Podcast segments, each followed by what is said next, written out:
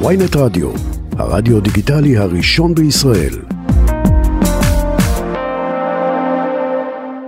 אה, מצטרף אלינו איתן גינזבורג, מזכ"ל כחול לבן, לשעבר חבר כנסת אה, מכחול לבן, אה, על כל המהלך שעומד להיות אולי של ההידברות. שלום רב איתן. בוקר טוב, מה שלומכם? ניצחתם? לא, ממש לא. אני גם חושב שזו הייתה מטרה לנצח. אתמול... ברור, כל מאבק פוליטי אתה רוצה לנצח. לא, בסדר, אבל אתה יודע, מה זה ניצחון? אני חושב שבכלל כל השיח הזה של מי ניצח, מי הפסיד, זה שיח שהוא בעייתי, בטח בתקופה שבה החברה נמצאת בכזה קרע. אני לא רוצה לנצח אותם, ואני לא רוצה שהם ינצחו אותי בנוקאוט, אני רוצה שנוקאוט שיהיה במצב של כפופי ידיים מגיע למצב של לחיצת יד. ואני חושב כן, שאנחנו... רבים מהמוחים חושבים, סליחה, איתן, שניצחון שלהם זה אומר ניצחון הדמוקרטיה. וניצחון של הצד השני זה אומר הפסד לדמוקרטיה, ולכן לא צריך להתבייש ו- ולהגיד ניצחנו, או אנחנו מנצחים, כפי שכתבה חברת הכנסת נעמה לזימי באחד המופעים המדהימים של אמר יש לפני הגול. לא אמר, א', אני לא מתבייש בשום דבר, אנחנו עושים מה שאנחנו מאמינים בו, אבל אנחנו מאמינים גם שחברה אחת שעוסקת ב... איך נקרא לזה? מערכת ההפעלה של המדינה, מערכת ההפעלה, כללי המשחק המוסכמים, לא יכולים לבוא צד אחד של החברה ולהגיד אנחנו משנים אותה ללא הסכמת הצד האחר. לא צד אחד ולא הצד השני.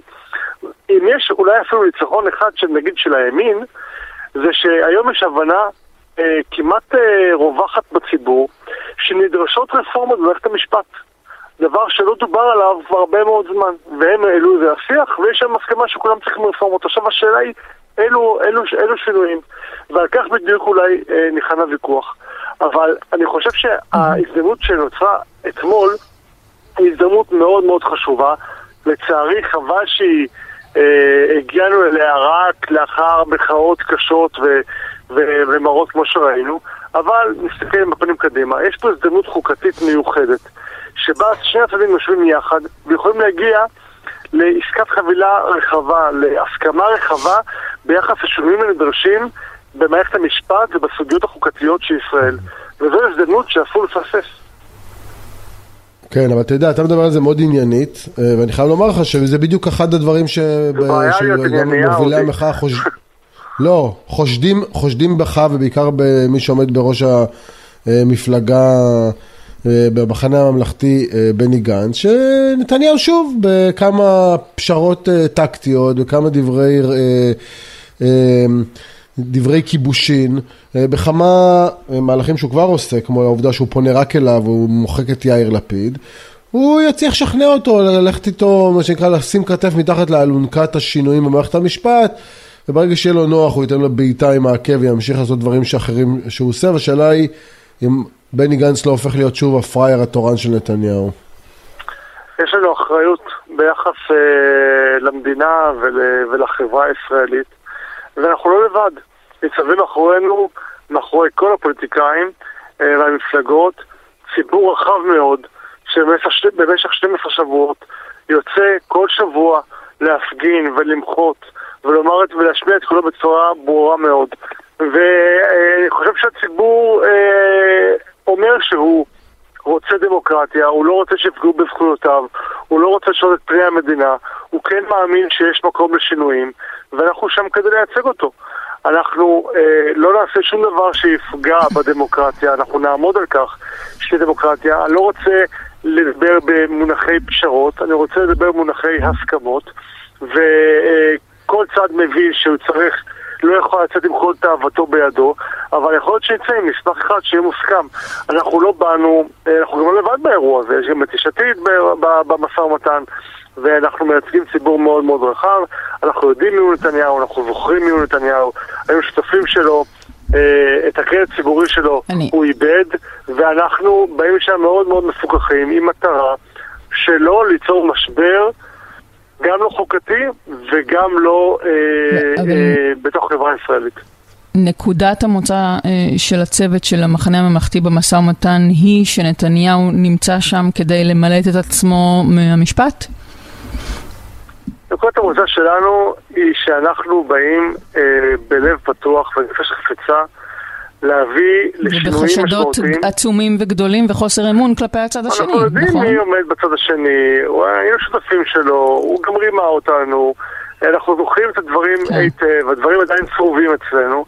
אה, אבל אנחנו באים מתוך כוונה, לא עניין אישי, זה עניין לאומי, מתוך כוונה באמת להביא איזה בשורה, לצד השינויים במערכת המשפט, יש פה גם הזדמנויות להוביל סוגיות חשובות אחרות, שגם נתניהו דיבר עליהן וגם אנחנו מדברים עליהן הרבה מאוד זמן.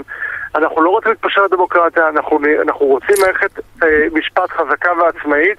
על הדברים האלו אנחנו נעמוד בשיח, ואני מקווה שאנחנו נצליח להגיע לדברים חשובים. איתן גינזבורג, עוד בתקופתך, מה שנקרא, ב-2019, אה, אה, לי הייתה תחושה שגנץ, נגיד, מבין האנשים עכשיו בסיפור הזה, הוא פחות חושב שצריך רפורמה. אה, לפי התבטאויות שלו בעבר, נגיד בהשוואה ללפיד, הוא הרבה פחות חושב שצריך לתקן משהו באיזונים. אה, תקן אותי אם אני טועה. אני גם זוכרת שבזמנו גנץ הבטיח שהדבר הראשון שהוא יעשה זה לתקן את העוול לדבריו של חוק הלאום, וגדעון סער תקף אותו על כך, ואמר זה ההישג הכי חשוב, אה, אה, על מה, על מה מדובר בכלל. אז כאילו גם בתוך הרשימה הזאת, בתוך המפלגה שלכם, יש אי הסכמות לגבי האיזונים והצורך ברפורמה במערכת המשפט. אז ראשית אני אדייק ביחס לחוק הלאום, ואז אני אגיד לך ביחס. ליחסי הכוחות או לדעות השונות בתוך אה, סיעת המחנה הממלכתי. ביחס לחוק mm-hmm. באמת חשבנו שהוא חסר, וחסר עקרון השוויון. זו הסיבה שעבדך הנאמן שמשוחח איתך כרגע, אני הגשתי בכנסות הקודמות את חוק יסוד אה, השוויון, כדי להוסיף את הערך שכל כך חסר בחוק יסוד הלאום. איפה המונח הזה יישב, האם בחוק יסוד הלאום או בחוק יסוד כבוד אדם וחירותו, זה כבר עניין חוקתי פחות חשוב.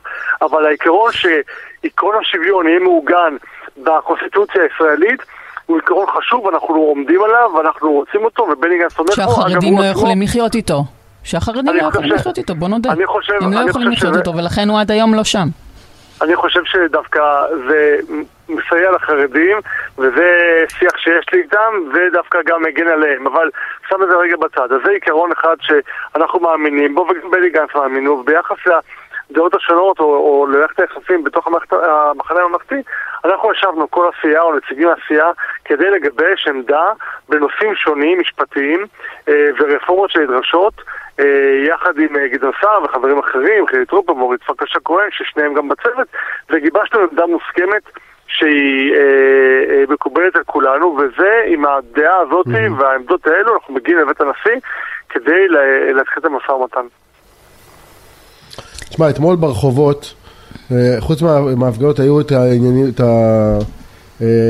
מהפגנות הימין, היה את החבר'ה של הפמיליה שהסתובבו, יש המון המון סרטונים שמסתובבים, של, שרואים את הכעס ואת העוצמה ואת האלימות כלפי המפגינים מהצד השני.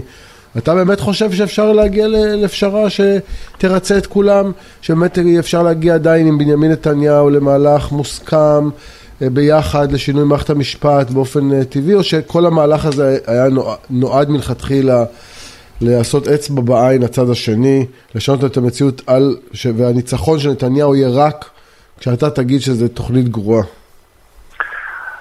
תשמע, אה, זו הזדמנות שנקרתה בדרכנו, ואני מקווה שאף צד לא יפספס אותה, ושלא, ושאין פה מהלך ציני, אה, בטח לא מקרבנו, אה, ביחס לסוגיה הזאת.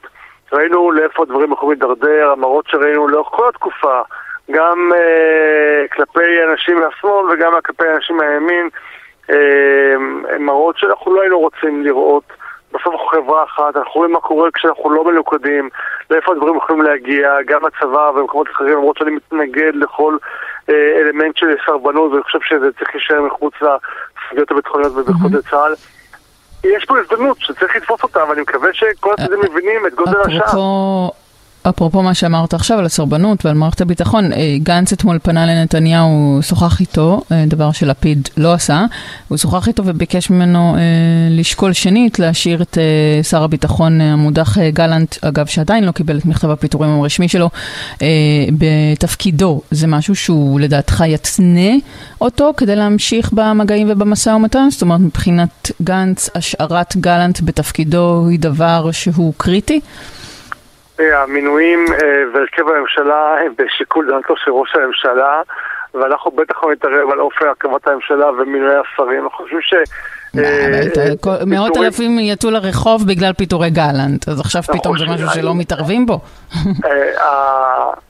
הפיטורים של גלנט באו הם היו צעד אחד רחוק מדי והיו אלמנט שבו שר הביטחון בא ומתריע הסכנות, וראש הממשלה מפטר אותו רק מכיוון שהוא לא רוצה שדברים ישלמו. נכון, זה לא רלוונטי לשאול לא- אם זה קריטי מבחינת גלנט, שההחלטה הזאת אה, תוחזר אחורה?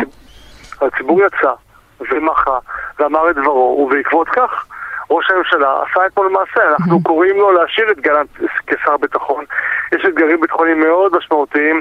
כחבר ועדת חוץ וביטחון לשעבר, ועדה חשאית, אני יכול לומר שהאיומים לא נעלמו, והאתגרים מאוד מאוד משמעותיים בפנינו, ויש חשיבות בהותרת דווקא האיש הזה, ואתם יודעים, אני לא מתומכה ולא במפלגה שלי, ודווקא האיש הזה, בתפקיד שלו, בזמן הזה, גם מבחינת המסר וגם מבחינת השיקולים הביטחוניים, אבל בסוף זה שיקולים פנימיים, פוליטיים של ראש הממשלה, אני לא יכול להתערב בזה, אני יכול לבקש ממנו גם עכשיו, בשידור שלכם המכובד, לומר לו, תותיר את שר הביטחון במקומו ואל תכניס אותו. ותגיד רגע, אה, סליחה שאני לא בהתרסה, אבל לפיד וגנץ יכולים לעבוד יחד בצורה תקינה בסיפור הזה לדעתך? בטח, בטח.